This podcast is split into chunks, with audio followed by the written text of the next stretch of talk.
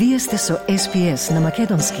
Слушнете повеќе прилози на sps.com.au козацрта на Седонин.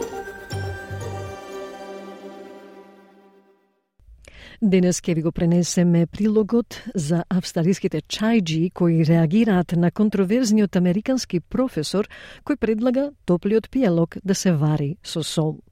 Прилогот го подготви Сам Дове за SBS News, а со вас е Маргарита Василева.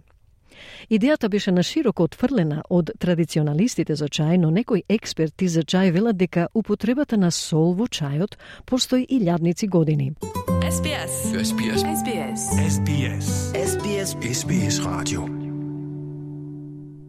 Oh my gosh. I feel. Hang on, I need to have another sip. They taste surprisingly similar. Uh, I didn't actually notice that it had salt in it, uh, so I'm not sure whether that's improved the flavour or not, but the concept seems weird. I think I'd be open to it because it, it did taste really nice. Like it didn't taste bad or anything. I feel like I'd maybe I will like consider putting a pinch of salt in my tea in the future. Ги слушнавте мислењата на неколкумина кои за прв пат вкусија чај варен со сол. Некои од кои би можеле да го пијат чајот со сол, а други пак не можеа да приметат разлика.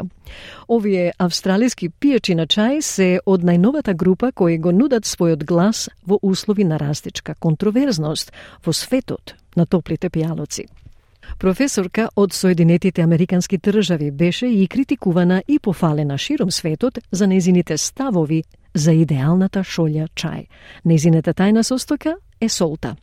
Професорката Мишел Франкл, хемичар од коледжот Брин Мо во Пенсилванија, изјави за англискиот CBC дека го проучувала занаето за правење чај и верува дека ја нашла совршената формула. Таа вели прочитала 500 трудови, испила 400 шолји чај, пробала секакви експерименти во собствената кујна и незината совршена шолја чај започнува со црн чај во опаковка, обично убавиот English breakfast tea, а потоа користи врела вода и го остава 4 минути да се натопи. Таа мала количина сол го прави чајот помалку горчлив, вели Франкл. read 500 papers, drank 400 cups of tea, um, tried all sorts of experiments in my kitchen. My perfect cup of tea starts with loose tea, black tea, usually a nice like English breakfast, and then use boiling water and I let it steep for four minutes. That little pinch of salt makes it, you know, less bitter. My perfect cup of tea. Вклучувањето на таа последна состојка создаде возбуда и контроверзии, главно од Обединетото кралство, каде што традиционалистите на чајот не беа премногу задоволни од предлогот. Резултирачката реакција ја натера амбасадата на САД во Лондон да ја објави следнава изјава со хумористично расположение. Цитат, денешните медиумски извештаи за рецептот на американски професор за совршена шолја чај ја втури нашата посебна врска со Обединетото кралство во топла вода, Сакаме да ги осигураме добрите луѓе на Обединетото кралство дека незамисливата идеја за додавање сол на британскиот национален пиелок не е официјална политика на Соединетите држави и никогаш нема да биде. Амбасадата на САД ќе продолжи да прави чај на правилен начин во микробранова релна. Затворен цитат. Today's media reports of an American professor's recipe for the perfect cup of tea has landed a special bond with the United Kingdom in hot water. We want to ensure the good people of the UK that the unthinkable notion of adding salt to Britain's national drink is not official United States policy and never will be. The US Embassy will continue to make tea in the proper way by microwaving it. Но некои љубители на чај со право истакнаа дека солта во чајот не е нова традиција. David Lyons е основач на Друштво за чај, Australian Tea Cultural Society. Непрофитно друштво кое сака да ја шири свеста за придобивките и задоволствата од пиењето чај.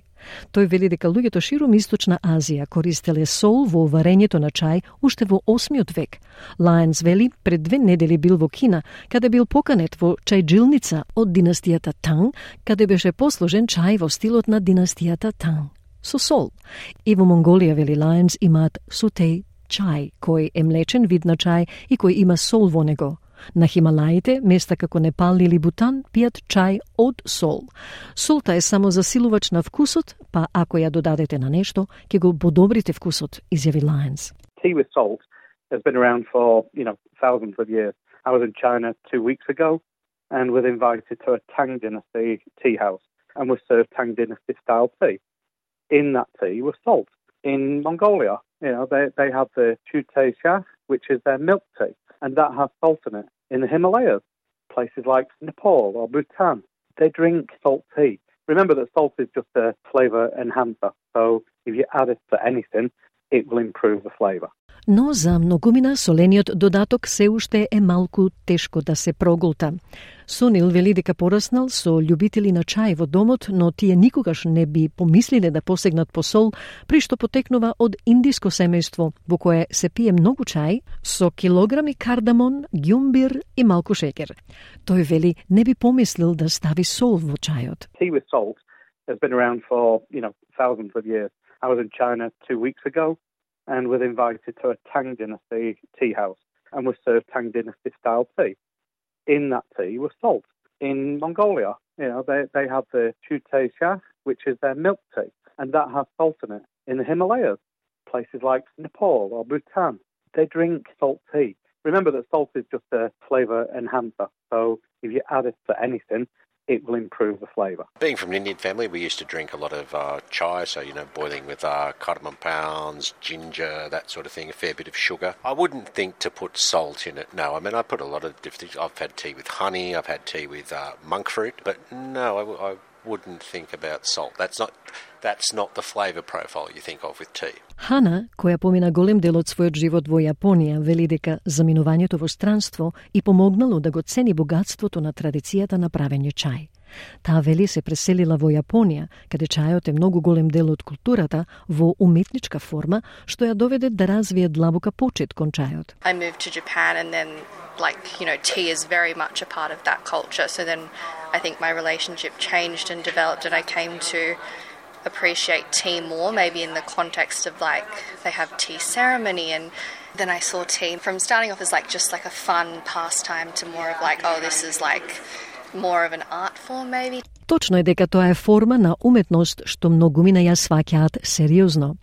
Друга критика што експертот за чај Дейвид Лајенс ја има во врска со формулата за правење чај на професорката од САД Мишел Франкл е идејата за ставање млеко во шолјата второ по чајот, што тој вели дека е научно неточна.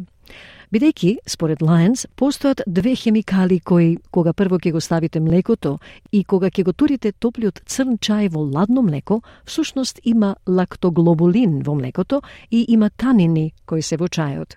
И кога топлиот чај влегува во ладното млеко, тие всушност се спојуваат заедно, се соединуваат и се врзуваат еден со друг и тоа создава вкус на путер, Oh, I completely disagree. That's a real shame because scientifically that's completely incorrect because there are two chemicals that when you put the milk in first and then you pour the hot black tea into the cold milk, there's actually lactoglobulin in the milk and there's tannins which are in the tea. And when the hot tea goes into the cold milk, the two actually blend together, they combine. And latch onto each other, and that creates a more buttery flavour. United Nations Food and Agricultural Organization на Обединетите нации го идентификува чајот како најконзумираниот пиелог во светот по водата и дека Австралија служи како совршен пример за вкрстување на различни традиции за правење чај.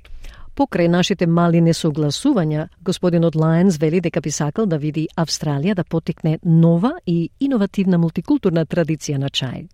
Култура на чај што ќе ги одразува мултикултурните и историските основи на Австралија, вели тој, и не само оние на британската чајна култура. We certainly believe that there should be a tea culture that uh, reflects the multicultural uh, and historical foundations of um, of Australia, and not just those of a of, of a British tea culture. Тоа беше изјавата на Дейвид Лајенс, основач на Друштвото за чај Australian Tea Cultural Society, а за SBS News прилогот го подготви Сам Дова. SBS на Македонски. Споделете ги нашите приказни на Facebook. Сакате ли да чуете повеќе прилози како овој? Слушате подкаст преку Apple Podcasts, Google Podcasts, Spotify или од каде и да ги добивате вашите подкасти.